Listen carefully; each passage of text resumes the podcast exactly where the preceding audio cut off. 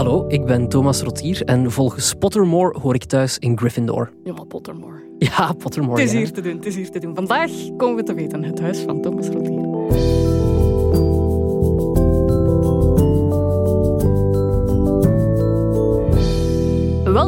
The Sorting Hat Revisited, de auditieve plek om aan al uw Potter needs te voldoen. Vergeet de sequels, vergeet de reunie, want this is where it's at, my dearest witches and wizards. Vandaag doen we nog eens aan Fandomception. These are not the droids you're looking for, want ook al is deze radio-dj een Star Wars superfan, vandaag is hij hier vooral aanwezig om het te hebben over zijn voorliefde voor Harry Potter. Je kan hem kennen als Q-DJ, onder andere van The Best of Q, of ook wel als het achter de schermen brein van de Q-ochtendshow. Maar daarnaast heeft hij ook een zeer uitgebreide Harry Potter-collectie in verschillende talen, waar ik het heel graag over wil hebben in deze aflevering. Ja, estoy emocionada. Él está aquí para hablar conmigo, Thomas Rotier.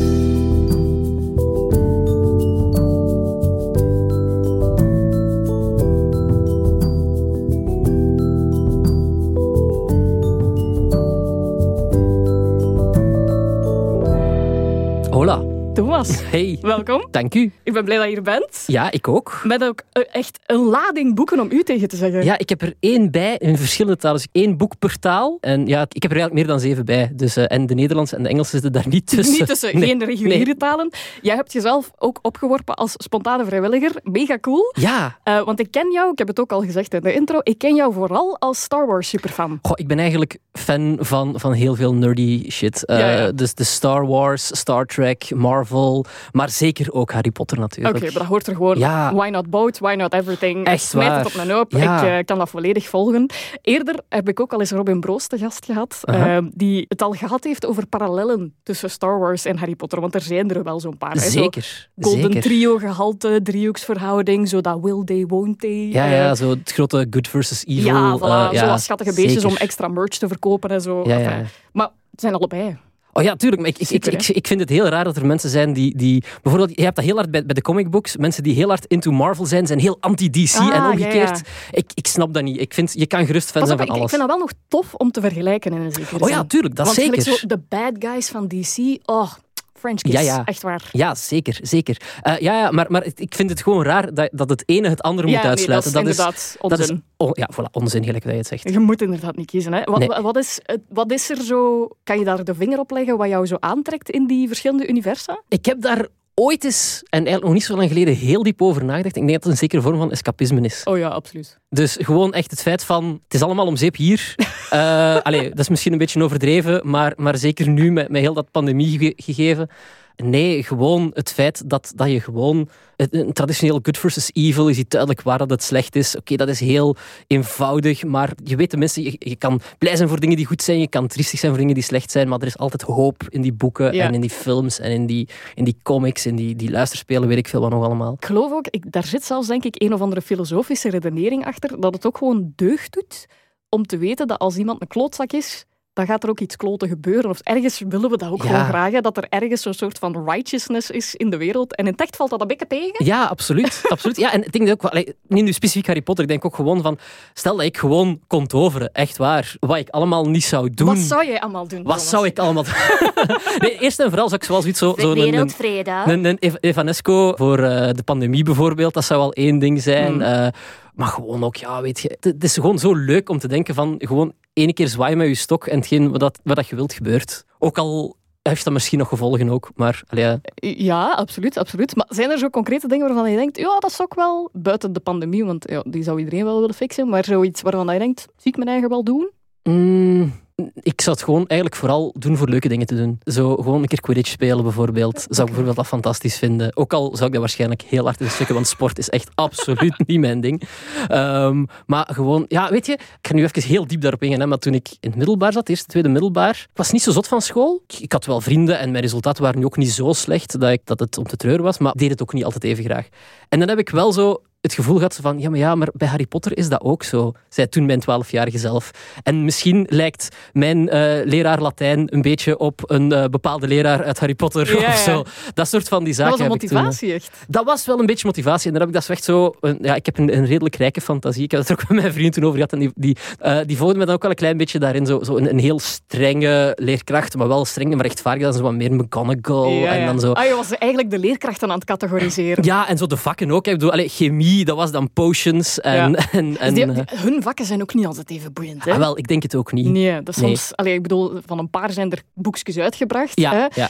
Die zijn nu nog wel sava, maar ik kan me voorstellen dat ze niet allemaal even geschikt zijn om een boek van uit te brengen. Nee, nee. Alhoewel dat ik wel behoorlijk wel wat interesse zou hebben, bijvoorbeeld zo in, wat, dat, wat dat in de boeken als heel saai wordt omschreven als een history of magic. Ja. Zo gewoon zo, oké, ik, ik hoef niet alle koboldrebellen van de jaren 1400 te weten of zo, maar zo, Zo wat backstory. equivalenten van Eerste, Tweede Wereldoorlog. Zo, Ja, ja, dat is ook iets wat ik heel veel opzoek als ik naar, naar dingen van Star Wars of dingen van Marvel of, of zo kijk. Dat probeer ik ook altijd als ik zo op Wikipedia zit, zo, zo, wat, zo wat backstory te hebben.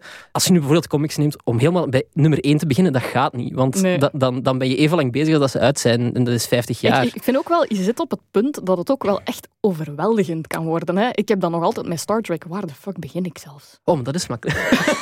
Weet het met te zeggen? we zullen dat straks eventjes allemaal oké. bespreken. Ik straks de tips geven. Maar je, je hebt inderdaad, je hebt, je Ja. hebt zo'n rijke wereld. Het blijft ook alleen maar uitdijnen. Hè. Je hebt superveel om Ja. in te duiken. Als je dan zegt, want hè, je zegt Marvel, je zegt Star Trek, je zegt Doctor Who zit daar misschien ook ergens. Zeker. Ja, zeker. voilà. Kan je dan, want dat is echt een ongelooflijk moeilijke vraag in dat opzicht, kan je dan zeggen, die held of die heldin of die een bad guy misschien, dat trekt mij nu echt enorm aan. Ik had dat heel hard met The Flash. Toen Ja? in die eerste reeksen van DC. Nu, ondertussen loopt die reeks al zo lang dat dat eigenlijk bijna niet meer bekijkbaar is, omdat dat gewoon zo hard uitgemolken is. Monster of the Week. Ja, voilà. En zo, zo waarvan je denkt zo van... Oké, maar jongens, als je eventjes vijf minuten nadenkt en even niet head over heels in het gevaar loopt tegen superspeed, dan, dan lost dat op. Maar dus, dus dat een beetje... Tegenwoordig, ja, ik vind Spider-Man vind ik geweldig. Maar wat ik eigenlijk... Ja, ik, ik lees heel graag DC Comics en ik probeer wel zo'n beetje zo de, de grote crossovers zo wat te, te lezen. Zo de Crisissen. Ik heb nu... eh, onlangs ook van, van Marvel heb ik eh, de Infinity Gauntlet. Ik heb voor kerstmis de Infinity Gauntlet gekregen eh, van mijn ouders. Dat was echt, daar kijk ik heel erg naar uit om daar, daarin te beginnen. Maar echt, ja, een held. Ik, ik vind nog altijd, ja, ik denk zo wat de traditionele, zo wat, de Deadpool, de Spider-Man, Ja. de Batman. En kun ik- je dan ook daar de vinger op leggen van, wat doet het dan voor u? Wat is zo hetgene waarvan je denkt, oeh, dat is een goeie. Ik vind zowel bij, bij, bij Spider-Man als bij The Flash, als bij Deadpool, om nu eventjes die, die drie, die hebben zo heel veel humor. De, de snappy comebacks. eh, En is dat iets dat je zelf ook bent of graag wil zijn? Ik probeer dat te zijn. Ik weet niet of ze altijd geslaagd zijn, maar Ja. ik probeer ze. Maar dat, dat trekt mij ook aan, bijvoorbeeld ook in, in niet-nerd dingen. Hè. Bijvoorbeeld in, in eh, ik kijk heel graag Brook- Brooklyn Nine-Nine bijvoorbeeld. Noise. En, ja, Noise, Toys, Title of Your Sex Tape, dat soort gedoe. Dat, dat vind ik heel tof. En om zo snappy comebacks in die manier te maken. En dat, dat, dat trekt mij wel aan. Dus misschien dat het daar een beetje is. En zo. Streven of zo. Ja, ja, zo. Goh, ik kan niet zeggen wannabe, maar, maar zo wel het, het beetje zo. Het, het, ehm, ik wil ook wel zo- zo'n beetje ad rem zijn. Ik probeer Ja, dat wel. Het lukt niet altijd. Maar, ik snap dat wel, want ik denk dat zo uw favoriete helden of heldinnen ook wel zoiets vertegenwoordigen wat je ambieert te zijn of zoiets. Ja, Of dat je ook gewoon denkt, ja, die zijn zo cool. Ik zou willen dat ik ook zo'n beetje meer dat was of zo. ja zeker. Dus dat snap ik er 100%. Je hebt dus, we hadden het al over die boeken eh, die je mee hebt. Ik zie daar die gigantische hoop liggen. Je moet mij daar nu eigenlijk wel eens vertellen, hoe is dat begonnen? Ik heb mijn allereerste Harry Potter boek gekregen, denk ik, voor mijn verjaardag, ergens dat ik 11 of 12 jaar was, van een vriend van mij. Ik vond dat onmiddellijk, van zodra ik die begon te lezen, was ik daar verliefd op. Zoals bij vele mensen, denk ik. Maar ik ging toen ook heel vaak met mijn mama naar de bibliotheek. En op een bepaald moment, mijn mama is ook zo wel wat into dat soort van die zaken. Had hij gevonden dat de Harry Potters ook in het Engels in de bibliotheek stonden. En die had dan een Engelse Harry Potter gele- uitgeleend. En was erin begonnen en dat vond, die vond dat wel heel tof. En ik dacht van, weet je, ik heb, ik heb al wel een beetje Engelse, eh, zo wat kennis eh, in mijn achterhoofd. Ik ga dat ook eens proberen. Ik had toen nog geen enkele les Engels gekregen. Het enige Engels dat ik had was van naar de Power Rangers te kijken en Pokémon te spelen op mijn Game Boy.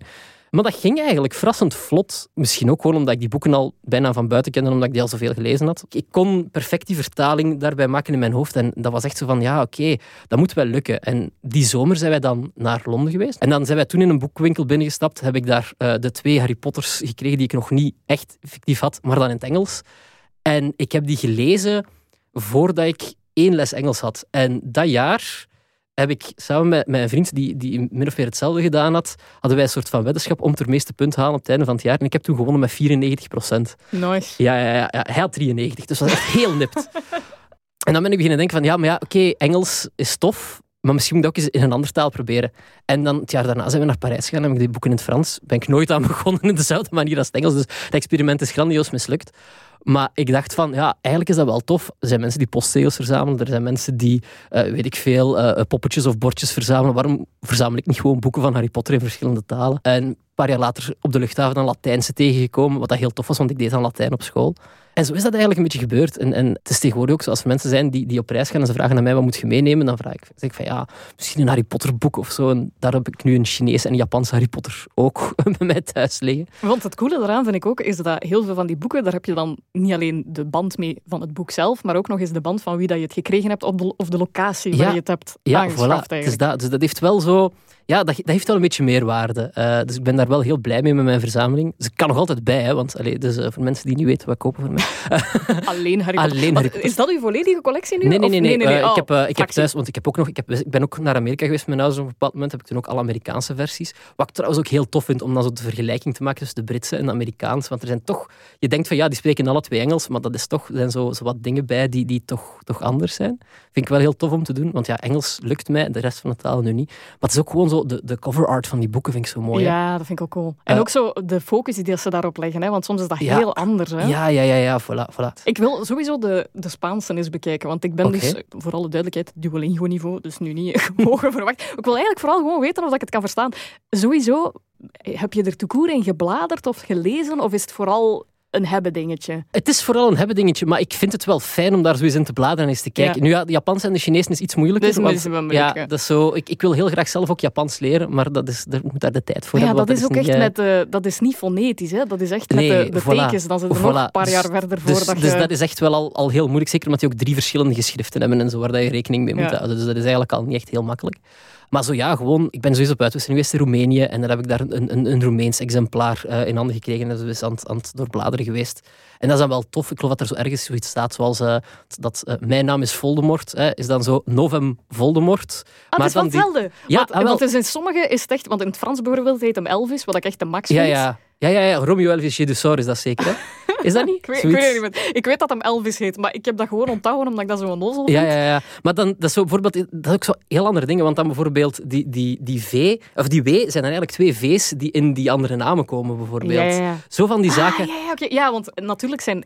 Ja, ja, want Voldemort is altijd Voldemort, maar de vertaling Ja, van ja, ja. de naam is dan altijd iets om die letter. Zoiets. Je Ja. suis Voldemort moet... Voilà, moet, Ik moet, ben moet Voldemort werken. In Ja, ja, ja. het Roemeens zijn of whatever. voilà, ja. exact, exact. Dus dat soort van die zaken vind ik dat wel fijn om zo, zo zeker dat soort van die, van die kleine dingetjes wel eens, eh, eens te bekijken. Wacht, welke heb je in het Spaans? Ik heb de zes mee in het Spaans, de Oh, dat gaat veel te moeilijk zijn, hè. Ja, wacht, ik ga het eventjes Ja, nemen. Hè. kak. Ik dacht zo, als je nu de eerste hebt, dan gaat dat zo nog het niveau... Omdat dat zo nog kinderboek een beetje is dan, hè. Dat gehalte, maar zes gaat dan te, te moeilijke vocabulaire zijn. Ja, ja, en het is ook gewoon, de, de titel is ook al anders. Dat is eh, Harry Potter y el misterio del principe. Het mysterie van de... Prins. Van de... pri- Ah, Ah ja, de Hal- oké, ja, de ja. Ja. Oké. Nu gewoon, als ik nu gewoon eens de eerste... Wel een mooie editie ook weer. Trouwens, ik, door te leren bij Duolingo, ik weet ook niet, volgens, voor hetzelfde geld is mijn accent echt, Goh ja. echt Maar eh, het- het- schandalig slecht. Maar... Het, het grote voordeel is, je hebt zowel een Spaans accent als een Zuid-Amerikaans accent. Dus Het is wel het is, totaal. je kan, als je het zo wat tussendoor doet, is het... Blijkbaar eh, is Duolingo Mexicaans-Spaans. Maar ik ga ervan uit dat mijn eh, Spaans zo wat... Kende zo Joey en Friends die Ja, Frans... ja, ja. flappen vlie, flappen tjabada. Ik denk dat eigenlijk dat is. Maar oké, kijk, ik ga een keer kijken. Ja, dat eerste woord versta ik al niet. oei. El otro ministro. Ja, Ah. dat, dat is The Other Minister. Dat is, Ja. dat is, eh, ja, maar ik ken ook, dat is ook zo, de, de hoofdstukken gaan misschien wel qua titel een belletje doorrinkelen bij mij, want Ja. dat, dat, dat lukt misschien Het is wel. niet makkelijk Spaans, maar ik kan wel zo een beetje de, gest, de gesten ervan verstaan, heb ik de indruk. Oké. Wacht, hè. Zo, falta, fal- faltaba, dat weet ik dus niet wat dat is. Faltaba poco para la medianoche, dus dan is dat zo middernacht of zoiets. Zoiets, ja. Ja. El primer ministro estaba sentado a solas en su despacho. Ik weet niet wat een despacho is, maar hij zit erin. Ik veronderstel dat ze zijn kantoor zal zijn. Zoiets, hè? Ja. Leyendo un largo memorandum. Hij is iets aan het lezen.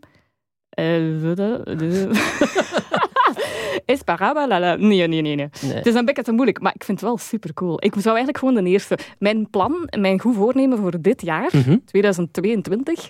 is om tegen het einde van het jaar in staat te zijn om een kinder- of jeugdboek in Spanje, nog niet nog niet te heftig gaan, maar zo in het Spaans te kunnen lezen. En misschien is Harry Potter de eerste dan, maar misschien is dat zo wel het niveau dat ik tegen dan hopelijk aan Maar ja, tuurlijk. Ja, ik, ik heb Engels geleerd met Harry Potter te lezen, zeg ik altijd tegen iedereen. Ja, ja. Um, maar ja, dus ja waarom, ik ben ook op mijn elf of mijn twaalf begonnen met Engelse boeken lezen. En vanaf dat je vertrokken bent... Ja. Want de reden dat iedereen, of toch bijna iedereen van onze leeftijd toch zeker goed Engels kan, is ook gewoon door blootstelling. Hè? We hebben ja, superveel series op tv gezien en dan kon, allez, ik bedoel, bij wijze van spreken, Dora the Explorer voor de generaties na ons. Ja, wij hebben dat gewoon gehad met... Wat met ondertitels was dat, hè? Zorro en Skippy. Ja, ja. En... ja wel, maar dat is, dat is het ding, hè, want ik merk nu bijvoorbeeld als je zo de, de gemiddelde Nickelodeon of het gemiddelde Cartoon Network opzet, dat is allemaal gedubt. Oh, dat is verschrikkelijk. Ik vind dat ook zo. Maar nu, pas op, ik zou het wel graag willen doen. Oh, gewoon puur, same. puur, puur als... Uh, als uh, voilà, mij ook. als die kan. Uh, maar uh, nee, maar ik vind het wel verschrikkelijk om, om, om die dingen te, te horen soms. Alhoewel, soms is het ook wel goed gedaan. Hè. Bijvoorbeeld, stel nu Chicken Run bijvoorbeeld. Oh, ja, denk ik dat ja. vooral... Allee, ik dat ken, is wel het ultieme voorbeeld van... Ja, ik heb die film... vakantie? het zit in mijn kop. Uh, ik heb die film trouwens nooit in het Engels gezien, omdat ik die Nederlandse vertaling zo goed vond. Ik weet het zelfs niet. Ja, dat kan wel. Maar dat is gewoon omdat je moet spelen met die accentjes. Hè. Ja, Want ik denk de eerste memorabele dubbing dat ik mij herinner, is The Lion King. En dat was puur omdat Timon en Pumbaa Antwerpenaren waren. Ja, voilà. En dat is het. En, en ik denk dat dat ook gewoon, dat dat voor een stuk... Ik denk de mensen van Disney, uh, allez, hoe graag en hoe fijn dat ik hun films ook vind, ik denk dat die niet altijd snappen dat België en Nederland, dat dat twee aparte mm. landen zijn. Dat, is, dat ligt te dicht bij elkaar. Die spreken alle twee Nederlands, dus we zullen maar gewoon uh, wat Nederlandse acteurs nemen en dat komt wel in orde. Maar dat is zo... Dat is het probleem ook dat ik soms heb bij de, de Nederlandse vertalingen van Harry Potter. Ah, ik denk dat, dat het heel Nederlands is ook. ja, ja. ik denk dat ik boek 7 zelfs niet in het Nederlands gelezen heb. Ja, ik ook niet. Maar ik ben op een gegeven moment overgeschakeld in het Engels, Never Look Back. dus, ja. ik, ik heb hem wel thuis staan, maar, maar ik denk dat de zes heb ik één keer in het Nederlands gelezen en gewoon de vertaling van Horcrux naar Gruzilement vond ik zo tenenkrommend dat ik eigenlijk gewoon gezegd heb van... ik, heb, ik, ik, merk, ja, ja, want ik heb verschillende gesprekken al gehad. Je hebt lovers en haters van Wiebe Bedingen. Dus dat is de ah, vertaler, de Nederlandstalige. Dus het is inderdaad een Nederlander. En dus je hebt mensen die zoiets hebben van, wat, wat, wat waren die aan het doen met dat vertalen? Uh, Fokke van der Meulen bijvoorbeeld, die is hier ook de gast geweest, was ook geen fan. Maar bijvoorbeeld, uh, was het niet Camille de Bruyne of Wannes de Leu, die het ook had over bepaalde woorden die, waarvan dat je ook echt denkt van, waar komt dat zelfs vandaan? Een zwadderig, omdat ja. zwadder blijkbaar iets met lucht te maken. Enfin, ik kan me voorstellen dat die mensen zich daar ook wel echt mee geamuseerd Oh ja, tuurlijk. En ik denk dat hij ook genoeg research en zo gedaan heeft. Oh, hè? En, en, en dat, er, dat er ook, allee, dat hij inderdaad wel heel hard ja, over nagedacht heeft en zo. En, en, en ik wil ook absoluut geen afbreuk doen aan zijn werk, want allee, ik heb, ben er zelf ook ingerold door ze in het, uh, in het Nederlands te lezen natuurlijk. Maar ik vind het gewoon bij momenten ook zo jammer. Bijvoorbeeld heel het, de, de cliffhanger op het einde van boek 6. Hè, dat het, het briefje in de, in de Horcrux, waar dan zo RAB op mhm. staat. Heel die cliffhanger, heel die, die, dat plotpunt is volledig verknoeid geweest door mij omdat Sirius Black vertaald wordt als Sirius Zwart in het Nederlands. Mhm. En op dat briefje in de Nederlandse vertaling RAZ stond. Er zijn veel karakters in de Harry Potter boeken die een achternaam hebben die met een B eindigt. Lavender Bloom, Professor Bins. Mhm. Dus er zijn wel B's, maar er zijn er niet zoveel die met een Z zijn. Nee, nee, nee. Dat is waar. Dus dan kun je al beginnen denken, ah ja, dat ja, zal dus wel. Als, als daar een B is en daar een Z, ja, even vijf minuten nadenken en je weet wie het is. Ja, voilà. En dat vind ik bijvoorbeeld wel een beetje jammer. Ja, maar is, want zeker die eerste boeken, daar zie je de plotwisten toch al vaak. Ah, ik vind het eigenlijk net niet. Ik, ik heb het gevoel, maar ik, dat is zo, ik heb het ook pas, pas ontdekt na de vierde of de vijfde keer dat ik ze herlezen heb of zo. Maar ik merk een heel groot verschil in schrijfstijl tussen de eerste vier en de laatste drie. Mhm. En ik denk dat dat komt omdat tussen boek 4 en boek 5 J.K. Rowling zich is beginnen bezighouden met de films. Ah, en dat de manier van schrijven veel meer gebaseerd is op van we moeten daar een film van maken. Ah, doet de afbreuk eraan? Afbreuk nu niet, maar ik, ik heb wel het gevoel dat, dat zo heel de, ehm, heel de magie van de verbeelding die in die eerste vier zat, er minder in zit, omdat die films dan al in opstart waren of misschien al uit waren en die al een beeld gekregen hadden in die film. Dus wat zijn dan jouw favoriete boeken? Meer richting de eerste dan? Ik vind nog altijd zo boeken 6 en 7 vind ik heel spannend en heel tof om te lezen. Maar, maar Goblet of Fire is toch nog altijd, heeft zo wel zo'n klein, ja, speciaal plekje in mijn hart. Zo, misschien dat dat ook wel te maken heeft met het feit dat dan ja, heel de, het kinderlijke achter zich gelaten is en het volwassen terug, terug begonnen is. Het, is mij ook, het zit in, in details, hè. het is niet, niet overal, hè, maar ik heb wel dat gevoel dat dat, dat, daarin is. Want ik was bijvoorbeeld, toen ik de vijf las, ik vond dat niet zo'n schitterend boek toen dat ik dat de eerste keer las. Ah, serieus? Ah, dat is een van mijn favorieten. Ja, maar ik snap het. Ik snap het. En, en bij het herlezen snap ik het, begin ik, ben ik dat ook meer beginnen appreciëren. Maar dat was ook niet... Ik vond dat bijvoorbeeld niet beter dan boek 4.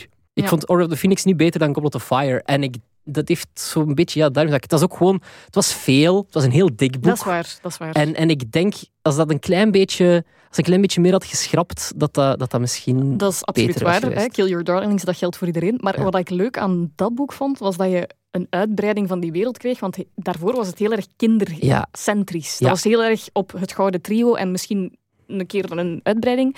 En ik vond dan zo de ja, Dumbledore's Army en dan de volwassenen die ook... Dat je Ja. het gevoel krijgt van de draagwijte van die oorlog of zoiets. Dat ja, het-. Er dat zit wel niet weer enkel- worldbuilding in, hè? ja, voilà. Ja, ja. En dat vind ik wel heel cool, want je hebt dat inderdaad vooral in dat, in dat eerste boek, omdat je dan de setting echt moet creëren. En daar is dat echt van, ah, jij dacht dat je de wereld kende. Wacht. Ja, ja. En Ministry of Magic en Grimmauld Place. Ja, ja, tuurlijk. Ja, absoluut. Maar ik vind gewoon, ja, het is zo... Het is misschien ook gewoon omdat ik het op dat moment ook iets te donker vond om het echt fijn te vinden. Want langs de andere kant, ik vind dat wel de film van Order of the Phoenix dan wel een van de beste. En ik, dat, dat sterkt mijn vermoeden dat ze zich een beetje te hard heeft laten ja, leiden naar, dat ze eigenlijk meer scenario aan het schrijven was Ja, dan... ja, ja. ja, en da- daarom dat ik nu bijvoorbeeld ook... Allee, ik denk dat dat ook niet, niet onnodig is als je nu kijkt. Ik heb ook bijvoorbeeld thuis zo de, de Fantastic Beasts screenplays liggen, allebei. Dat ze daar ook geen, geen verhaal, geen boek meer van gemaakt heeft. Oh nee, maar ja... Om nu te- ja, ik kan, ik kan nu niet zeggen dat dat moet, maar... Nee, nee, maar het is ook niet boekwaardig. Allee, dat klinkt heel kritisch, maar eigenlijk, ja, die eerste vind ik nog oké. Misschien dat daar de nostalgie vooral spreekt, maar die Mhm. tweede is... Oei. Ja. Nee, daar, daar, daar volg ik je wel in. Maar ik vind het gewoon een beetje een gemiste kans, die, die, eh, die Ja, ja. spin-offs. Sowieso, de, de, ja, de liefde voor Harry Potter gaat ver, dat, dat is al duidelijk. Als je het hebt over, ik had het daar net al gevraagd over uw favoriete helden in het algemeen. Mhm. Welke personages in Harry Potter spreken u aan? Goh, ik vind dat moeilijk. Ik ben wel zo fan inderdaad van, van het, het, het, het, eh, het Golden Trio. Allee, dat is zo, ja, sowieso. Hè. Ik, bedoel, ik lees dat wel graag. Ik ben ook fan van, van Fred en George. Gewoon omdat elke stuk in het boek waarin dat zij voorkomen, weet ik al van... Ik ga hiermee kunnen lachen. Allee, niet alles, want ja, zeker niet op het einde van boek 7 is dat inderdaad een beetje minder fijn. Maar dus, die hebben gewoon zoveel humor en ik vind dat zo fijn om die humor erin te zien. Zelfs zo in de meest donkere momenten, dat zij zelfs ook nog proberen om daar wel, wel wat, wat humor in te zien. Ik ben ook wel zo. Zijn zo Fred en George degene waarvan dat je denkt, daar kan ik mij het meest ook echt mee identificeren? Of... Ah, dat nu weer niet. Nee. Eh, ik denk dat zij een klein beetje te aanwezig zijn. Ah, ik, ja. ik, ik ben, ben denk ik niet zo aanwezig. Enfin, ik hoop dat toch niet. Eh, ehm, en en, en zij, zij, zij nemen ook veel meer risico's dan dat ik ooit zou, zou durven nemen. Eh, ik zou nooit eh, een dungbom afsteken in de gang om in een kast eventjes een, een, een object te gaan stelen bij de caretaker. Nee, dat, dat, dat nu ook weer niet. Als ik mij echt zou moeten identificeren, denk ik ergens met een, een of ander klasgenootje van Harry dat, dat eh, stil of achteraan in de klas zit en veel te enthousiast is om te luisteren wat dat alle professoren aan het zeggen bent dat zijn. manneke, hoe noemt dat? Dat manneke met dat camera. Ah, Colin Creevy. ja! Misschien wel. Misschien wel. Ja, ik, ik, dat kan ik mij misschien dat wel, wel, wel voorstellen. Ik neem ook graag foto's. Dat is, Ah. Kijk, we hebben het gevonden, jongen. We hebben het gevonden. Die zit, toch, ook- zit die ook niet in Gryffindor? Die zit ook in Gryffindor. Voilà. Ja, ja, voilà. Zie een keer. Ja, Ja. want dus je zegt huis Gryffindor zou volgens Pottermore het geschikte huis voor jou zijn. Ja. Maar ik heb een beetje problemen met die vraagstelling, want ik vind dat je nu niet bepaald weet of dat je in een huis thuis hoort als je Nee, de voorkeur hebt voor een bos of een rivier. Allee, ja. nee ik, ik vind dat inderdaad... Nee, daarmee, ik denk ook gewoon... Ik ga misschien ook eerlijk zijn, ik had zo wel zo het gevoel, als ik zo bepaalde vragen voor mij kreeg, dat je ook wel zo wist van, ja, als je, als Als je op dat wil, die ja. vraag antwoordt, Dus je wou in Gryffindor uitkomen? Of... Maar ik denk dat iedereen misschien wel een beetje Nee. Gryffindor... Nee. Maar oké, dan is het misschien een beetje... Ja, ik, ik, ik wil misschien wel... Ik, ik vind Gryffindor wel, wel, wel fijn op Ja. zich. Ik vind dat wel een, een, een, een tof concept. Ja. Nu, ik denk dat heeft ook te maken met de manier waarop dat die, die, die boeken geschreven zijn. Ja, en de manier waarop dat die... het die zijn de ultieme helden. Hè? het is dat, als je, als je het echt gewoon moet, moet, moet zeggen, dan zijn ja, de, de, de, de nerds van Hufflepuff en de bad guys van Slytherin. Maar dat vind ik nu ook weer niet, maar dat is wel... Ja, in- in die eigenlijk zo. Slytherin en, Huff, eh, Slytherin en Gryffindor zijn de enige huizen die Ja. vertegenwoordigd worden in de grote mate. inhoud ja, voilà. Ja, ja. En dan Slytherin is vooral de slechte kant en Gryffindor zijn dan de ultieme good guys die eigenlijk dan iedereen ambieert te zijn. Voilà. Ehm, maar andere huizen zijn ook plezant. ja, tuurlijk, ongetwijfeld. Ik, ik, heb zelf ook echt los geen idee, want ik was ook wel in de richting van Gryffindor aan het denken. Dus sowieso, als dat de voorkeur heeft, dan heeft dat eigenlijk sowieso wel een streepje voor. Oké, kijk. Wat mij sowieso is opgevallen, in de beperkte mate dat ik jou ken natuurlijk, Mhm. Thomas, is Wat ik van u weet, is hoe vastberaden dat jij bent. Als in, ik weet dat jij al langer voor DPG Media, hè, dus de radiozenders, het grote bedrijf waar VTM onder huist, Thank You Music en Joe en zo, je werkte al langer voor DPG Media, voordat je eigenlijk als Q-DJ bent begonnen. Ja. En dat was, als ik het goed voor heb, ook echt een soort van lifelong dream om daar uiteindelijk te belanden. 100% waar. Ja. Typeert dat jou, zo dat vastbijten en weigeren te lossen totdat je bent waar dat je bent? Voor sommige zaken wel, ja. Voor dat wel? Voor dat wel. Dat is zo, ik ga nu eerlijk zijn, de, de stemtest tussen aanhalingstekens, waardoor dat ik uiteindelijk on ben mogen gaan, dat was wel voor mij zoiets van, oké, ik ga het nog één keer proberen. Dat was wel zo, het, het, ik heb het al zo vaak geprobeerd, het is zo vaak mislukt, om god weet welke redenen allemaal. En het was echt zo de, mijn, mijn laatste ultieme poging om het te doen. Dus ja, het is wel, ik heb het, ik zeg, ja, het is gelijk dat je zegt, ik heb het genoeg geprobeerd om er ook effectief te geraken waar ik, waar ik nu ben. Ik vind dat heel fijn dat het mij ook gelukt is. Ja, misschien inderdaad wel dat dat die vastberadenheid... Die, ja, maar ik kan mij uh... voorstellen dat stel, zelfs als het toen misschien... Want chance dat wel gelukt is, uiteraard. Maar misschien zelfs als het toen niet gelukt was, had je misschien toch nog gedacht van... Godverdomme, nog één keer. Oh ja, waarschijnlijk wel. Waarschijnlijk. Waarschijnlijk wel. dus in dat opzicht is dat toch wel... Ik kan me voorstellen, hoeveel pogingen heb je gedaan? Ik zal het niet meer weten. Zal het niet weten. Nee. J.K. Rowling is, denk dertien keer afgewezen Voilà. voor Harry Potter een uitgever kreeg. ja. Dat is een beetje gelijkaardig. Hè? Dat is ook inderdaad van... Wil jij nu zeggen dat ik de J.K. Rowling van Q-Music ben? eh, hopelijk iets minder transfoob, maar... Ja. Nee, maar ik kan me voorstellen dat het zowel zo wat- dat inderdaad zo dat ik geloof hierin. Ja. Dus fuck al de also, dat Ja, ja. misschien. Ja, wel ja, dat is wel een beetje... Ja. Want dat, heb ik, dat had ik vroeger niet. En ik denk dat dat gewoon te maken heeft met passie. Want ik, ik weet nog heel goed, toen dat ik... eh, ik was ergens bezig over mijn middelbare schoolperiode. Ik was toen eigenlijk een hele luie mens. Ik, ik, ik, ik werkte... eh, ik, ik deed echt het absoluut minimum om te slagen. Ik heb heel vaak dat ik voor, voor mijn, mijn examen wiskunde... Als ik wist van ja, ik ga, ik ga nu bijna buis, dat ik heel veel samenvattingen aan het maken was, omdat ik dat van mijn leerkracht een 5 op 5 daarvoor kreeg per samenvatting, dat ik zo toch met mijn hakken over de sloot geslaagd was. Dus ik was toen daar niet zo hard mee bezig. Maar ik denk zo eens dat ik gevonden had wat ik echt Ja. wou doen en wat ik echt graag deed, heb ik mij daar wel voor proberen te smijten. Soms tot het effect van ja, dat ik, dat ik soms echt 10, 12 uur bezig ben met mijn werk op een dag. Eh, en dan ga slapen en de volgende dag gewoon opstaan en terug verder doe. Ja. Dus dat heeft zowel die, die, die passie. Ik moet gewoon er iets aan hebben, wil ik het doen. En helaas waren integralen en, en derde graadsvergelijkingen en zo in Ja, wiskunde daar niet, niet bepaald bij. Dus niet bepaald zo booksmart, maar als het u interesseert, dan wel echt hard gaan. Zo. Absoluut. Ja. Ja. Want je zegt dan bijvoorbeeld, ik werk dan 12 uur op een dag of zo, dus je hebt wel dat stamina om keihard te werken en een werkpaard te zijn, maar het moet u inderdaad wel boeien, want anders Ja. is het geen waard. Voilà, dat is het ook. Echt effectief. Ja, dat is het echt zo. In het geval van Q heb je dat wel echt gedaan. Ik kan Ja. me voorstellen dat je tot in de treuren toe bij de basis zo van, eh, anders nog een keer, anders nog een keer. Zo erg was het niet, maar, maar het was wel zo in mijn hoofd, zo voor, voor mezelf te pushen was het wel zo. Ik zal het Oké, zo zeggen. Ja, want, want hoe ver ging dat dan? Is dat dan na jouw reguliere job op dat moment dan ook nog wel denken van, bon, ik moet ook nog wel nog een keer in de studio? Of... Ik heb dat wel zo gedaan. En het was dan wel zo dat ik ook wel drie of vier keer een opname gedaan had, voordat ik dan ook wel echt één had, waarvan ik dacht van ja, die heb ik misschien toch wel eens laten horen.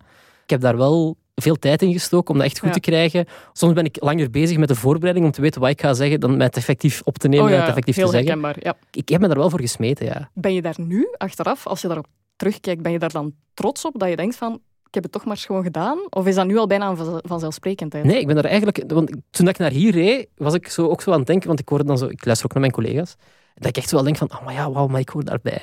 Dat is, dat is zo van... van daartussen. jongens. ja, wel, ik, ik vind dat nog altijd raar. We hebben ook een WhatsApp-groepje met de Q-DJ's. En ik vind het ook nog altijd raar dat ik daar ook in mag sturen, bijvoorbeeld. Ja, ja. Gewoon omdat ik dat zo...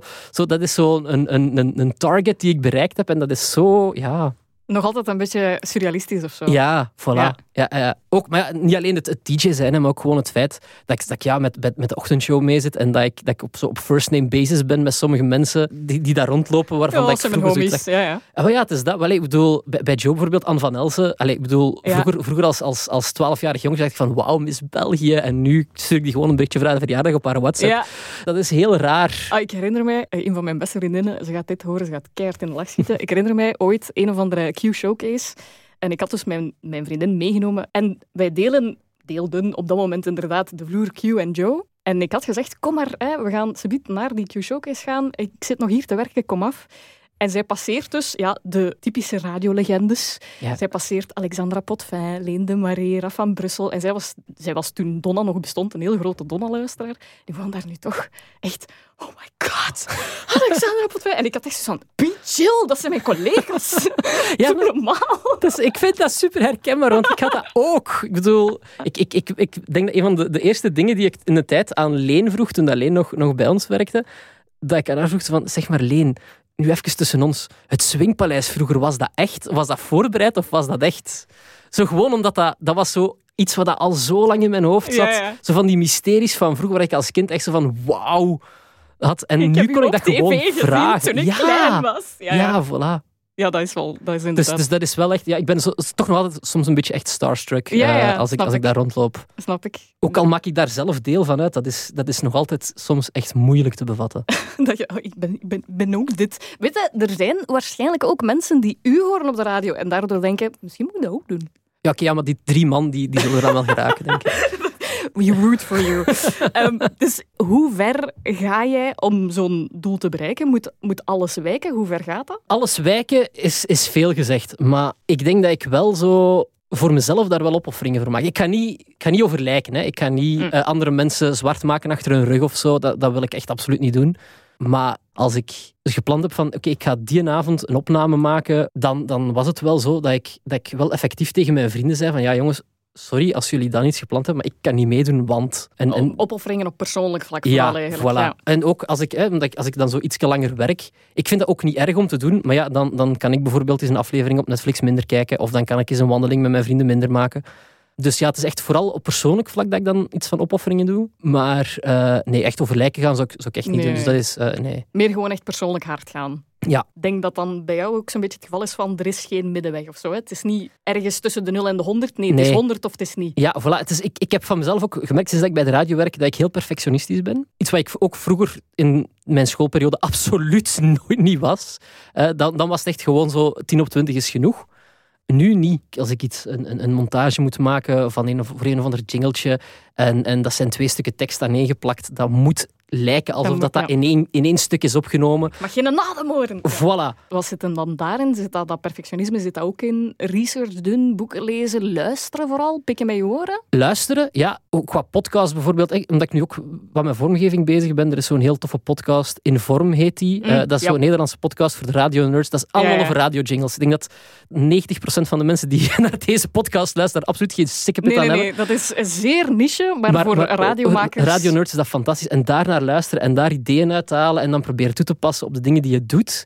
Dat probeer ik dan wel te doen. En gewoon ja, vijf, zes keer herbeluisteren tot Ja. ik echt zo dat één wavelengthje dat verkeerd zit toch goed gekregen we zijn, we zijn iedereen kwijt die niets van radio kent. We zijn heel erg mee aan het gaan, dat is niet erg. Ik heb nog één luistertip ook. Oké. Eh, How Sound. Oké. How Sound, noteren, luisteren, loven. Is goed, ik Dus, ga straks eh, eh, abonneren op. Spotify. Ik had het over hè, die vastberadenheid, dat perfectionisme dat er dan eigenlijk bij is komen kijken. Beschouw je dat zelf ook als een, ja, een eigenschap die jou typeert, maar misschien zelfs de belangrijkste? Of zijn er zo andere ja, karakterseigenschappen waarvan dat je denkt, dat is nu echt zoiets dat ongelooflijk typisch Thomas Rotier is?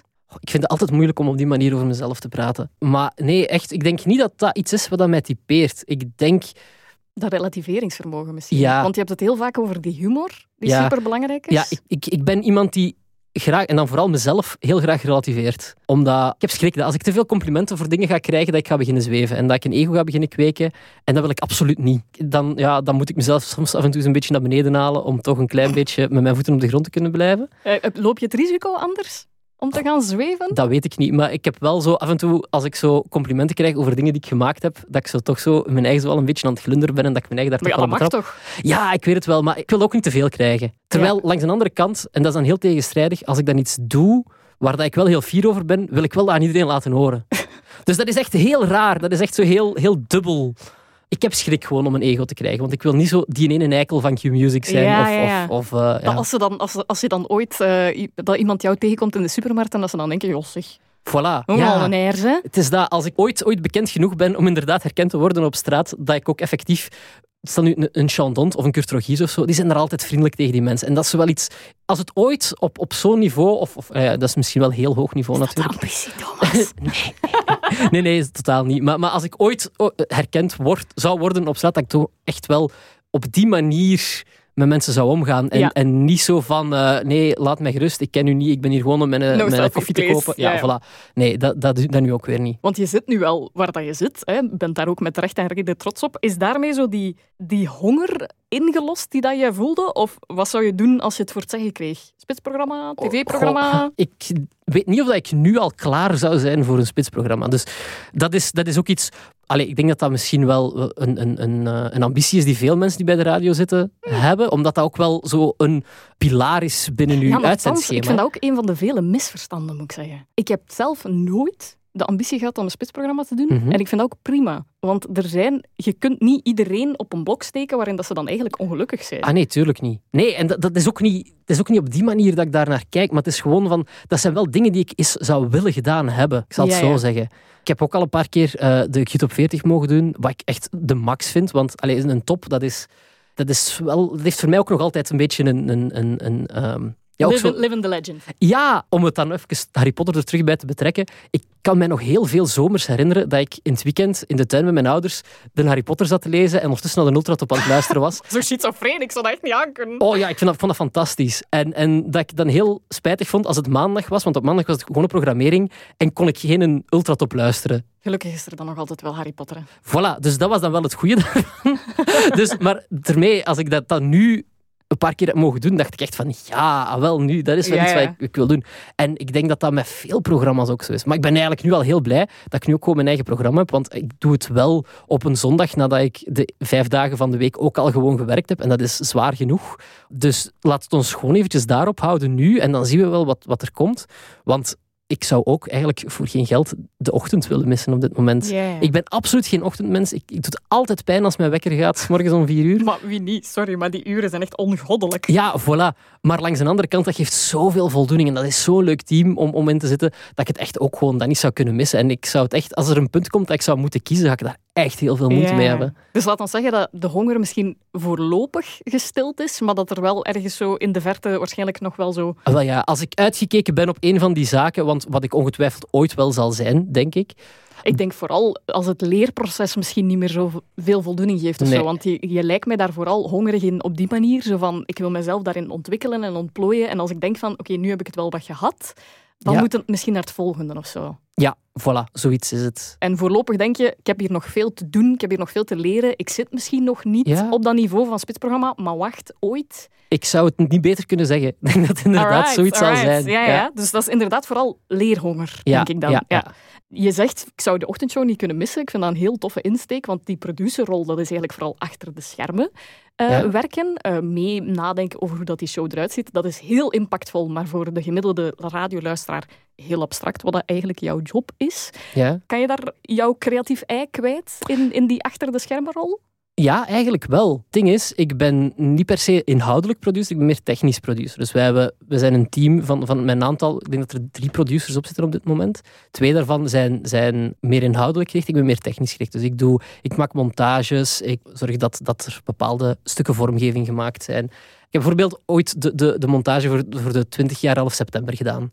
Dat heb ik gemaakt, eh, wat ik heel fijn vond. Dat is, dat is wel ook een heel zwaar ding natuurlijk. Ja, maar, Maar- ook zo weer zoiets waar dat je in kan vastbijten. Voilà, echt, ja. voilà. Ehm, ik heb onlangs, en dat vond ik dan weer heel grappig, dat is dan het, andere uiterste, ehm, zo toen Greta Thunberg haar bla bla bla speech gedaan had, dat gemonteerd op bla bla bla van Armin van Buren. Dan de berichten lezen om te zeggen van hoe grappig is dit en hoe is dat en waar kan ik dat downloaden. Dat, dat geeft me. wel... Ja. Ja, voilà, dat is wel zo van, oké, ja, dat was ik. Dan kan je daar ook gewoon heel veel creativiteit in kwijt. Hè? Ja, zeker. Geeft zeker. dat evenveel voldoening als dat Op een andere manier. Nu, ik moet wel zeggen, voordat ik bij Q dan zat, heb ik ook een, een tijdje gewoon echt bij vormgeving, bij de vormgeving algemeen gezeten. En echt ook daar jingles en tunes en zo gemaakt. En mee nagedacht over campagnes voor reclames en zo. Dat doe ik nu minder. En daar kon ik wel net iets meer creativiteit kwijt. En soms wou ik dat toch nog een beetje dat wat meer kon doen. Maar ja, natuurlijk, tijdsgewijs is, is dat heel moeilijk. Maar dus de combinatie van die montage en dat technisch gedeelte en daar wat creatief zijn en dan op zondag mijn, mijn teksten een beetje creatief aanpakken en, en zo voor, voor Best of Q is, is dan weer... eh, ik Het is denk een, dat het... een goede combo op die manier. Ja, voilà. Wat zijn kwaliteiten die je enorm apprecieert in iemand? Ik ben wel iemand die, die, die houdt van eerlijkheid, vind ik wel interessant. En, en zo rechtvaardigheid vind ik, vind ik interessant. Ik heb niet graag dat mensen met mij de, de, de draak steken of, of, of zo, zo, zo de, de double crossing en zo. Dat, ah ja, dat- backstabben, eh, ja, hypocriet- hypocrisie nee, en zo. Nee, Nee. nee. dat vind ik echt heel irritant. Durf je daar mensen mee confronteren ook? Of is dat dan weer een brug te ver? Soms wel, maar dat gebeurt heel zelden. Want ik heb gelukkig omring ik mij met mensen die dat niet... Die dat niet doet? Ja. Nee, of toch niet, niet, niet zo duidelijk dat ik het door heb misschien. Oh, zeg nooit, Ja, nooit, hè, weet, maar... eh, eh, ben je omringd door hypocrieten, maar Ja, ben je je gewoon voor. heerlijk naïef. dat is voilà, ook dat, eh, kan, dat kan perfect zo zijn. ignorance is bliss. Voilà. Ik vind zo het, het rechtvaardigen vind ik echt wel belangrijk. Zo. Ik volg bijvoorbeeld heel veel Amerikaanse talkshows. En als ik dan bijvoorbeeld van die verhalen hoor over republikeinen die eh, heel enthousiast zijn over pro-life kwesties en abortus willen, willen afschaffen, maar dan geen kinderbijslag willen Mhm. goedkeuren en het oké vinden als vijfjarige mensen afknallen met een geweer, want het ligt aan het kind en niet aan het geweer. Dat vind ik zo hypocriet, daar word ik zo boos van. Dat is, dat is echt hypocrisie ten top. Ja, ja. En hoe ver, eigenlijk, je zegt van, ik word daar zo boos van. Wat doet dat met jou? Ben je dan ook echt iemand die genre activisme gaat? Of... Nee, want daar ben ik te lui voor, denk ik. daar komt dan dat lui van mijn middelbaar terug bij. Nee, maar ik ga wel bijvoorbeeld, ik denk dat ik daar wel, als ik, als ik dat merk en ik word daarmee geconfronteerd, denk ik wel dat ik daar mensen op zou aanspreken. Dat, dat nu Toch wel. wel, ja. Ja, ja, ja. Heel dus meer, onnozel. meer zo de genre, de hevige discussies om bepaalde punten te verdedigen. Ik zou daar wel, ik hou wel van zo'n een, een, een goede discussie, ja, dat wel. Eh, gewoon daardoor is een goede babbel en mijn argumenten en, en hopen dat ik iemand kan overtuigen, wat dat waarschijnlijk niet gaat lukken, want eh, iedereen is een beetje overtuigd van zijn eigen Mhm. gelijk. Maar eh, nee, maar zo'n goede discussie, ja, dat kan er wel in bij mij. Je haat hypocrisie, je apprecieert heel hard eerlijkheid, rechtvaardigheid. Is dat omdat je dat zelf dan heel waardevol vindt? Of omdat je dat zelf misschien nog meer zou willen zijn? Ik denk dat ik dat sowieso nog altijd meer kan zijn. Maar ik probeer dat wel ook effectief te zijn. Andere kwaliteiten, bijvoorbeeld zo, zo trouw, vind ik dat daar ook heel, heel nauw bij aansluit. Eh, als iemand mij, mij probeert, eh allee, mij iets in vertrouwen neemt, ga ik ook wel proberen om, om dat, dat ook niet, niet aan de grote klok te hangen. Ook al ben ik wel iemand die af en toe graag eens een, een rolletje doet. Allee, ik denk, denk dat dat bij de meeste mensen wel een beetje is. Ik vind dat echt belangrijk. En, en ik wil het wel meer zijn, want ik denk dat ik inderdaad nog wel meer kan doen. Voor zover het mij lukt, ben ik daar nu wel redelijk tevreden over, op de manier waarop ik dat doe. Is dat ook een vereiste voor jouw vriendschappen? Of wat waardeer jij het meest in, eh, in de vrienden die je hebt? Dat is moeilijk. Ik, ik apprecieer dat zeker en vast in vriendschappen, maar ik denk dat vooral het concept vriendschap voor mij vooral is, ik moet met, met, met, met de mensen kunnen amuseren. Ik wil daar, als ik, eh, als ik die zie, wil ik daar geen ruzie mee, mee, mee maken. Oké, af en toe is een discussie hè, over, over zoiets, vind ik wel belangrijk, ook omdat wij allemaal onze eigen mening hebben en omdat ik vind dat iedereen recht heeft op een mening, ook al is het niet de mijne. Maar ik wil daar gewoon mee op café kunnen gaan en een pint pakken. Of naar een film kunnen gaan en daarover napraten achteraf. Of, of eens lekker mee gaan eten. En, en ik wil me daarmee kunnen amuseren met die mensen. En dat is het, het belangrijkste voor mij. Good vibrations. Ja, Ja. exact. Als je het hebt over, hè, want eerlijkheid, eh, rechtvaardigheid, dat zijn dingen die dat je zelf sowieso al inherent, denk ik, in een bepaalde mate in jou hebt zitten. Zijn er ook van die dingen waarvan dat je denkt, oh, maar dat is een tekortkoming waar dat ik graag wat aan zou werken eigenlijk? Ik verspreid af en toe graag eens een rolletje. Ik heb soms heel vaak het gevoel dat ik met mijn mond aan het voorbijpraten ben. Ja, geen filter. Nee, voilà. En dat is zoiets waar ik achteraf zo van denk, van, had ik dat eigenlijk wel mogen zeggen, want dat is toch wel een klein beetje... Dat is misschien een goed voornemen voor mijn eigen af en toe een beetje tegen te houden om, om er alles eruit te floepen wat, ik, eh, wat in mijn kop schiet. Want Eh. ben je dan ook een beetje impulsief soms? Oh ja, denk het wel. Ja? Ja. En hoe uitziet dat? Als ik me echt aan iets durf te ergeren, dat ik wel zo af en toe scherp uit de hoek durf te komen. Ja, ja. Als je ik durft weet- al een keer schenen schoppen dan. Ja, wel, maar als ik zo weer eens voor de zoveelste keer mijn computer crasht en ik moet voor de zoveelste keer naar de IT-afdeling, die voor de zoveelste keer eigenlijk mij niet kunnen helpen, omdat hun... tried turning it off and on again? Wel, maar dat is dan zo het, het advies dat ze geven, terwijl ik dat al vijf keer gedaan heb en dat ik al vijf keer gezegd heb van ja, ik heb dat gedaan, maar het werkt niet. Dan durf ik daar af en toe wel eens redelijk scherp op te reageren. En mijn collega's gaan dat zeker beamen, Ja. dat, dat, eh, ja, dat dat wel zo'n beetje zo, dat dat mijn aardsvijanden zijn op het werk. Soms iets cynischer uit een hoek durven komen als, dan dat ik eigenlijk ben als er weer zoiets iets, iets, iets misloopt. Of, of, eh, Beetje een heet hoofd soms. Of is het dat al... Heethoofd is veel gezegd, want ik, ik probeer wel... Allee, het is niet dat ik eh, slaande ruzie met iemand ga hebben of zo. Of, of, IT, maar ja, wow, IT, maar ja, IT dat is nu een... die zitten ver genoeg, daar, daar raak ik niet zo ver bij. Voor welke fout heb jij de meeste tolerantie? Want is dat bijvoorbeeld ook zo dat kantje omdat je dat herkent? Ik heb het meeste tolerantie voor als, als ik weet dat het fout is gegaan, maar dat er wel alles aan gedaan is om het goed te gaan. Mm. Als, als iedereen echt zich voor de volle 100% gegeven heeft en dan nog mislukt het, dan dat je zoiets hebt van, oké, maar we hebben er alles aan gedaan om het goed te krijgen. Dus dat het nu niet gelukt is, wil gewoon misschien zeggen dat het ook gewoon niet goed kon. Want je hebt gezegd dat je soms bij momenten ook lui kan zijn. Mhm. Ik kan me voorstellen, want wat, wat dat je daar zegt, hè, van als, de- als iedereen zich 100% geeft. Ik zelf bijvoorbeeld, ik vind luiheid... Ik heb daar zo weinig geduld voor. Ja, Echt waar. dat is een beetje mijn tweestrijd. Hè? Want, want ik ben dan heel lui op sommige vlakken en, en dan iets te eh, ijverig op, eh, op andere vlakken. En ik kan ook wel merken dat als het fout gaat, doordat iemand nalatig is Ja. geweest, door lui te zijn of door... Oh, Weet ik veel geen wat? geduld voor incompetentie. Nee, ook nee, dan- dan- niet. dan ben ook ik ook- geen zin om dan te doen alsof dat allemaal oké is, trouwens. Nee. Dat is misschien ook niet, zo, niet altijd even Nee, maar praktisch of zo. Ik snap u wel, want dat is ook iets waar dat ik ook, wat ik ook moet. Maar dan, dan ben ik langs de andere kant zo weer zo te, ehm, in mijn schulp gekropen om daar ook effectief die mensen daarmee te confronteren soms. Ah, ja. Ik ken zo'n aantal gevallen waar dat ik dat echt goesting had om te zeggen van man, doe gewoon uw werk. Ja. Dat was uw taak. You had one job. Doe dat gewoon. Behalve bij IT natuurlijk. Hè, want Daar is het gewoon daar is het gewoon... Daar is het, ja, voilà. Ik, ik ben echt heel tolerant als ik weet van die heeft er alles voor Ja, gedaan. Dat is, dat is voor 100% eh, gewoon het lot dat, eh, dat het fout Ja, heeft lopen. fouten maken is menselijk. Maar ja, ook, hè, vader. tuurlijk. Dus denk ik inderdaad, die intentie dat een heel groot verschil maakt, of dat je iemand het kwalijk kan nemen of, Ja, niet, ja. of zo. Het is zo het, het willen maar niet kunnen ten opzichte van het kunnen maar niet willen. Dat is eigenlijk, dat is eigenlijk het Ah, ding. Goed samengevat, goed samengevat. Willen maar niet kunnen, daar heb ik alle begrip voor en daar steun ik u 100% in. En dan gaan we ervoor maken dat het uiteindelijk toch dat het lukt. gaat lukken, ja, voilà. voilà. Kunnen maar niet willen, dat is echt gewoon van, waar zit je mee Ja, bezig? voilà. Stop Wat er anders doe gewoon jij mee. hier? Ja. Godsnaam, inderdaad. Dus eh, zeker, een herkenbare tekortkoming. is er zo nog een natuurlijk talent waarvan dat je dacht, ah, ik wou dat ik dat kon of had? Dat, is, dat is heel lozel, maar zo, ik ben heel slecht in sport. en ik wou echt dat ik, dat ik echt zo een liefde had. Zo, maar ik denk dat dat ook... eh, Is dat ook niet zo een beetje het idee van goede voornemens? Iedereen maakt elk jaar in het begin van het jaar goede voornemens. En vaak zijn dat niet noodzakelijk ambities die je daadwerkelijk koestert, maar eerder wensen. Ja, Als mij, dit jaar ga ik meer sporten. En Ja. wat ze dan eigenlijk willen is een beachbody, maar er niet veel voor moeten Voilà, doen. exact. Soms, sommige dingen is het echt gewoon, bij mij ook, hè, want allee, zo, het, het, ik zei het net, hè, willen maar niet kunnen ten opzichte van kunnen maar Ja. niet willen. Ik heb heel veel zaken waarbij dat ik ook echt wil, maar, maar niet kan, maar ook echt heel veel zaken waar ik kan, maar echt gewoon niet wil. gewoon denk, eh, En sport is daar bijvoorbeeld één van. Ehm, Het is zo nog een extra notch. ja, Ook voor de dingen die je niet noodzakelijk interesseren eigenlijk. Ja. Want voor de dingen die je echt wil, daar doe je het sowieso. ja, voilà. Alright. Ik vind u een moeilijke, Thomas. Maar ik ben ook een hele moeilijke ah, Shalini. complexe mens. Ja, ja, ja. ja. Ik heb hier echt... eh, Kijk, ik ga u mijn blad even tonen. Oké. Ja, luisteraars is dat niet zo, rele- niet zo relevant, maar beschrijven, het is heel veel opgeprint en nog meer opgeschreven ja, eigenlijk. heel veel kriebels. Dus daar staan heel veel lettertjes op, als in de afkorting van de huizen. Mhm. Ik denk dat ik eigenlijk echt zo'n keer zou moeten beginnen turven. Ik denk dat ik sowieso kan Slytherin al determineren als een jet, want dat staat er maar één keer op. Oké. En dat gaat vooral over het, ja, dat vastberadenheid en daar eigenlijk heel veel voor durven laten schieten, Ja. omdat je zelf het vertrouwen hebt van ik kan dit.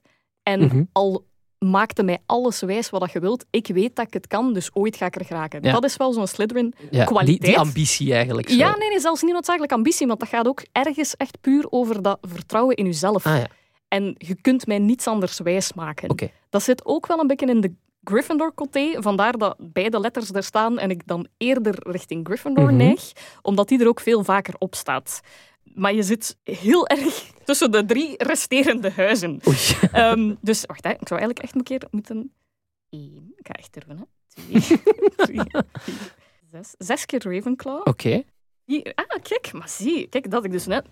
Ja, oké, dus dat had ik zelfs ook nog niet zien aankomen. Dus wacht, Oké. wat heb ik gezegd? Zes keer Ravenclaw, Ja. vijf keer Hufflepuff, Ja. vier keer Gryffindor. Oké, dus eigenlijk iets meer Ravenclaw dan... dan eh, Ja, maar weet je wat, dat wat nu de doorslag geeft? Is niet mijn lettertjes en mijn gekriebel hier. wat dat de doorslag geeft, is waar dat jij het meest belang aan hecht. Want ik kan die lettertjes daar nu wel opsmijten, ja, ja. maar het is vooral waar dat jij dan echt de klemtoon op legt, wat dat eigenlijk bepaalt waar dat je ambities en je gedrag Ja. uit voortspruit. Dus als ik kijk naar wat situeert u in een bepaald huis, die vastberadenheid, dat heb ik al gezegd, dat Mhm. is enerzijds wel ergens Slytherin, Ja. maar dat is ook ergens Gryffindor, want Gryffindor heeft heel hard dat gut feeling. Mhm. En gut feeling wil echt zeggen, mijn gevoelens, mijn wereldbeeld, mijn visie komt heel erg vanuit mijn buik. En dan kan de rest van de wereld nog zo hard roepen en toeteren dat iets blauw is. Ja. Als ik weet het is rood, dan is het godverdomme rood. Eh, En dus ergens is dat ook wel zo, dat, dat geloof hebben van ooit ga ik wel belanden waar dat ik moet belanden. mhm. dat is wel een Gryffindor iets. Ja, ja. Waarom heb ik daar ook ergens Ravenclaw en Hufflepuff staan? Omdat Ravenclaw is heel hard. Daar zit het allergrootste misverstand rond Ravenclaw is dat dat alleen maar boeknerds zijn. Dat is absoluut Nee. niet waar. Dat heel gefocust, heel keihard 150% voor één onderwerp gaan, dat is ook heel erg Mhm. Ravenclaw. En dat wil dan niet zeggen dat dat inderdaad met lezen en met boeken en met nerdy shit is. Dat wil Nee. gewoon zeggen heel hard gaan in één onderwerp, daar alles over kunnen, willen, moeten weten. Dan ga je daar hardcore in. Ja, Maar het moet u wel boeien. ja, ja, zeker. En dan ben je die spons die alles opzuigt omdat je dat wilt. Ja, Heel erg Ravenclaw. En dan de, de Hufflepuff zit hem dan eerder in dat je misschien soms iets te rap jezelf tevreden stelt met eh, bepaalde dingen als het u niet interesseert. Dat je dan denkt, oh, een 10 op 20 is ook goed, hè. Mhm. Is goed genoeg, hè. Omdat dat traditioneel een beetje wordt gezien als het minst ambitieuze huis. Mhm. Maar ik voel bij jou geen gebrek aan ambitie. Dus het is altijd zo'n Ja, beetje ja. dubbel wel. En daarmee denk ik dat het zo vaak schippert tussen die twee. Omdat Hufflepuff, dan zeg je van, ah ja, vroeger was ik dan misschien wel lui, maar nu eigenlijk Mhm. Ook niet altijd. Dus als je ding gevonden hebt, en dat is ook wel heel typisch ook voor Ravenclaw, dat je misschien in de ogen van de buitenwereld niet noodzakelijk ambitieus lijkt, maar vanaf dat je ding hebt gevonden, Ja. en dat kan heel niche zijn, Ja. dat je dan ook echt wel, allee, om het cru te zeggen, bijna een vakidioot wordt, maar, zo echt, maar op een goede manier. Hè? Want dat je daar uitblinkt, dat je een expert wil zijn en dat je dan ook echt denkt van, op techniekvlak, moet maar zien dat je mij iets kunt leren. ja, ja. ja. Dat principe. Wauw. Maar Ehm, ik, vind, ik vind het echt heel boeiend. Dat is echt zo gewoon... Leer je jezelf kennen, Echt Thomas. waar, ja. Ah, ik, ik, ik, ik, kom, ik ga buiten als een nieuw man, denk ik. Echt waar. Ik had ook opgeschreven de opofferingen op persoonlijk vlak. Mhm. Dat dat eerder ook Gryffindor gericht is. Omdat, mocht je opofferingen maken, dat kan inderdaad met de ellebogen zijn of met de nodige messen in de rug, dan zou je misschien eerder richting Slytherin gaan. Maar positief gezien, Slytherin kan ook zijn dat je opofferingen maakt, maar vooral in functie van jouw geliefden. Ja. Dus dat kan positief en negatief zijn. Vandaar dat je daar eer- eerder richting Gryffindor neigt, omdat dat ook weer dat individuele in een zekere zin heeft. Mhm. Zo van, ik ga keuzes maken en dat gaat vooral in functie van ook weer dat buikgevoel, ook weer van dat vertrouwen van ik moet dit nu doen, want dit voelt juist. En juist en rechtvaardigheid en buikgevoel zijn dingen die zo hard Gryffindor zijn, dingen die dat, dat je ook vaak Ja. expliciet benoemd hebt zelfs. Zo die eerlijkheid, Ja. dat rechtvaardigheid, dat typeert jou wel, denk ik. Mhm. Die volledige wansmaak tegenover hypocrisie, dat is ongelooflijk Gryffindor. Oké. Dus relativeringsvermogen situeer ik eerder bij Hufflepuff, omdat daar echt zo Ja. de... Ja, denk dat dat de leukste common room is. Mhm. ja. De meest chill. Gelijk als je zo... Ik, ik beschouw mezelf bijvoorbeeld heel erg als een type A personality. Ik ben heel erg zo... eh, ah, nu rood en alles moet juist en perfectionist. En dan de coole, chille mensen die dat geambieerd te zijn, die zitten dan in Hufflepuff. Ja. Oké. Ik ben dat niet. Eh, de good vibes, ook weer Hufflepuff. De trouw, de loyaliteit, ook weer Hufflepuff. Het geen filter hebben, Gryffindor. Gryffindor. Het impulsieve kantje ook, absoluut. En dan zo dat doorzettingsvermogen, ja, dat zit ook weer ergens in Ravenclaw, omdat opnieuw, als het u interesseert, Ja. ja. Als het u niet interesseert, fuck off. Ja.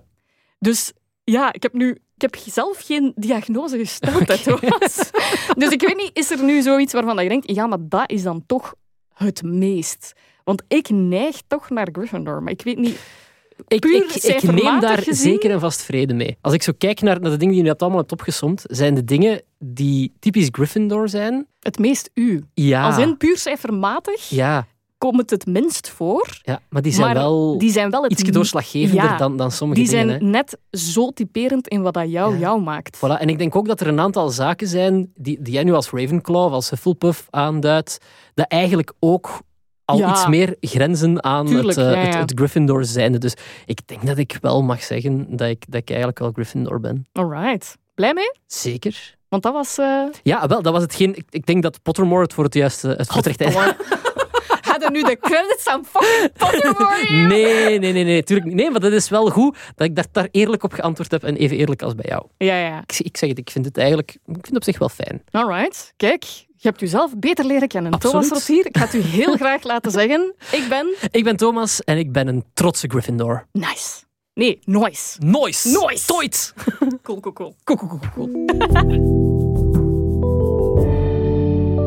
Finito. 10 points to Gryffindor en een nieuwe pupil in the Common Room met Thomas Rotier als certified member van het Rood-Gele Huis. Wil je nog meer Pottermania in de oren? Ontdek dan alle afleveringen van The Sorting Hat Revisited in je favoriete luisterapp. De playknop is de perfecte portkey naar een magische wereld en met een review word je helemaal de MVP van het WK's werkbal. Merci om te abonneren, reviewen en vooral om te luisteren. Heel graag tot de volgende aflevering en till then, mischief managed.